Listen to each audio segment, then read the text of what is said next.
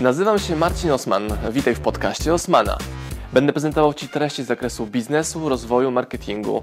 Będzie również dużo o książkach, bo jestem autorem i wydawcą. Celem mojego podcastu jest to, żebyś zdobywał praktyczną wiedzę. A zatem słuchaj i działaj. Marcin Osman. A w tym odcinku o właściwym zadawaniu sobie odpowiednich pytań, czy jak to jest z tymi marzeniami, które odciągamy w czasie. Zapraszam.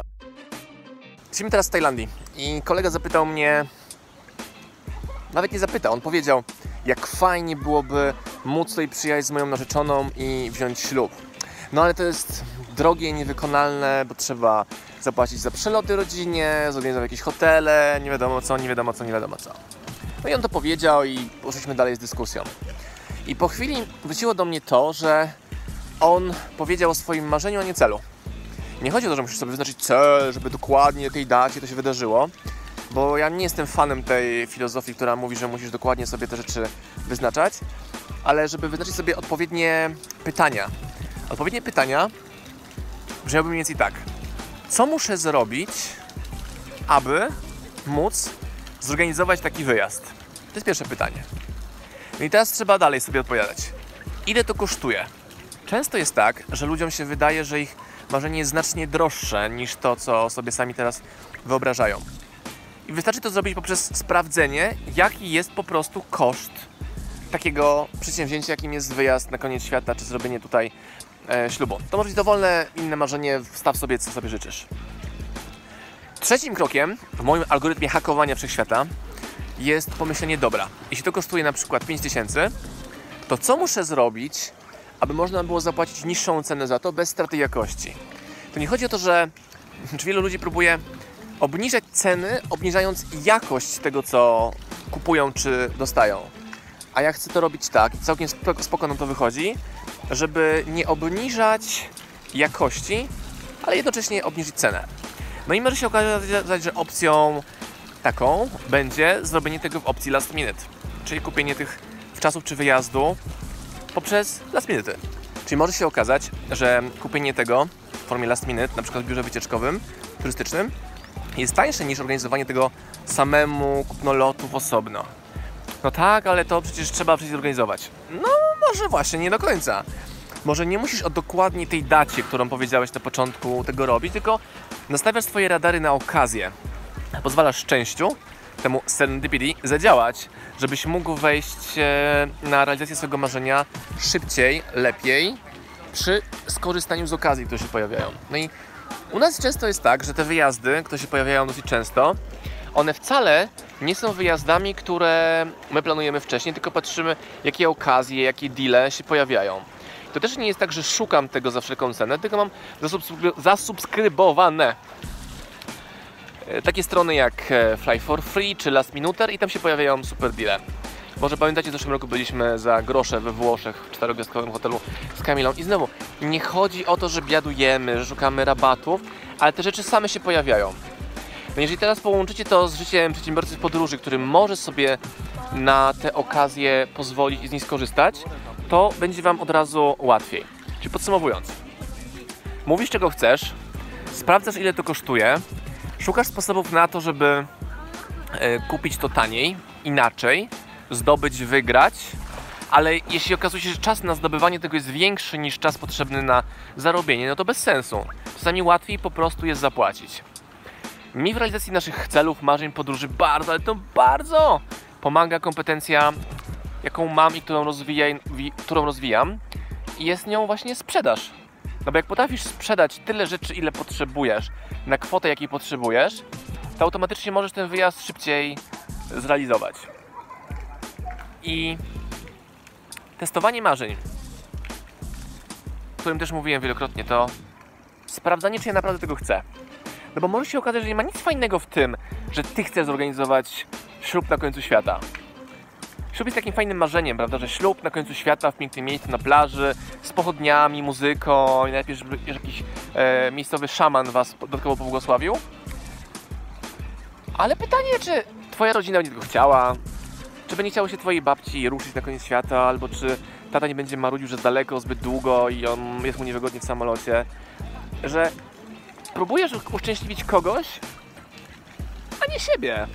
Może lepszy będzie ślub dwuosobowy, ale sam sobie to oceń. Ja chcę Wam pokazać różne perspektywy. I umiejętnością, która mi pomaga najmocniej, jest właśnie umiejętność sprzedaży. Drugą umiejętnością, która jest komplementarna z tym wszystkim, to jest kreatywność. A taka kreatywność, która pojawia się na zawołanie. I czasem przypomnę ćwiczenie, jakiego ja używam od wielu lat. Jest to zadawanie sobie zadań kreatywnych, które pobudzają moje komórki do rozwoju. Moje, oczywiście te komórki, o tu, mózgowe komórki. Bo dzięki temu jestem w stanie ćwiczyć mój mięsień kreatywności. Jak to się dzieje? Zadaję sobie zadanie, na przykład jak polecieć na Bali za free, albo jak wydać książkę, gdzie sprzedam tysiąc egzemplarzy w 3 dni, albo, albo, albo, albo. Dowolny problem, temat sobie zadaj. I wtedy wymyślasz 150, 120, ale nie mniej niż 100 pomysłów na to, w jaki sposób te rzeczy mieć, pozyskać, zdobyć. I to powoduje, że ćwiczysz sobie automatycznie swoją kreatywność w momencie, gdy nie potrzebujesz jeszcze korzystać z jej zasobów, bo zdobywasz umiejętność, która ci to umożliwia. I wtedy, jak masz konkretny case, problem, wyzwanie, to uruchamiasz sobie to zadanie, ten test i znacznie łatwiej jest ci te odpowiedzi uzyskać. I to jest takie superpower, który zdobywasz i nagle widzisz, że rozwiązujesz problemy swoje, czyjeś, innych ludzi i przychodzi to z wielką łatwością. Ale tylko wyłącznie przez to, że trenowałeś, że trenowałeś swoją umiejętność i kompetencję. Dzisiaj ubrałem koszulę, którą ostatni raz miałem we wrześniu na Bali i zobaczyłem, że ona zupełnie inaczej na mnie leży, no bo zacząłem chodzić na sport i też moja sylwetka się zmieniła. I to się wydarzyło nie przez jeden dzień, ale przez regularne ćwiczenie w taki sposób, który do mnie pasował. Ale znowu, ćwiczenie. Tak samo, zarabianie pieniędzy, czyli sprzedaż w moim przypadku, jest umiejętnością, którą testuję. I mam wrażenie, że zbyt dużo ludzi umiera zanim umarło, przez to, że nie widzą sposobu, jak coś osiągnąć, czego pragną. A właśnie tym sposobem jest sprzedaż, jest kreatywność, jest operatywność, jest pomaganie innym, jest tworzenie społeczności, która na potrzeby Wasze będzie odpowiadać. Idealnym przykładem u mnie, który wydarzył się też całkowicie niespodziewanie, było to, gdy opublikowałem wideo o śmierci Krzyśka Wniowskiego, może je pamiętasz. To było bardzo osobistym wideo. I to wideo przyczyniło się do tego, że zebraliśmy e, część pieniędzy potrzebną na to, aby można było ściągnąć ciało Krzyśka do Polski z Hiszpanii, co było dosyć drogie. I moja społeczność, ludzie, których spotkałem kilka razy w życiu, którzy oglądali mnie w internecie, dołożyła się do tej zbiórki pieniędzy. Więc, znowu, zbudowanie zasobów, jakim jest umiejętność sprzedaży, kreatywności, tworzenie kontentu, budowanie społeczności i dzięki temu jest to znacznie łatwiejsze. I gdybym chciał wyruszyć w podróż dookoła świata, zrobiłbym to na podstawie mm, przy użyciu kontaktów, społeczności, rozpoznawalności, jaką mam, bo wiem, że bez żadnego problemu moja społeczność, czyli ty, ty i ty i ty, chętnie mnie przyjęli w gości, na kanapę, nakarmili, gdybym chciał robić to w sposób backpacker- backpackerski.